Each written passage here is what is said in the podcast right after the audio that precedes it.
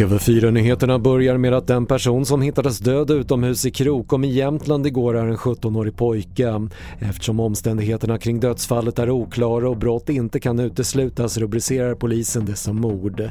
Det finns ingen misstänkt. Med hjälp av amerikanska FBI verkar svensk polis lyckats knäcka och låsa upp krypterade så kallade Ghost-telefoner skriver Svenska Dagbladet. Sedan flera krypteringstjänster knäckts av internationell polis har mängder av brott klarats upp även i Sverige. Snart införs vaccinpass i Sverige men synen på vem som är fullvaccinerad skiljer sig åt i Europa. I ett antal länder har vaccinpasset ett utgångsdatum och det räcker inte med att ha tagit två doser utan det får inte heller ha gått för lång tid sedan sista sprutan för att passet ska vara giltigt.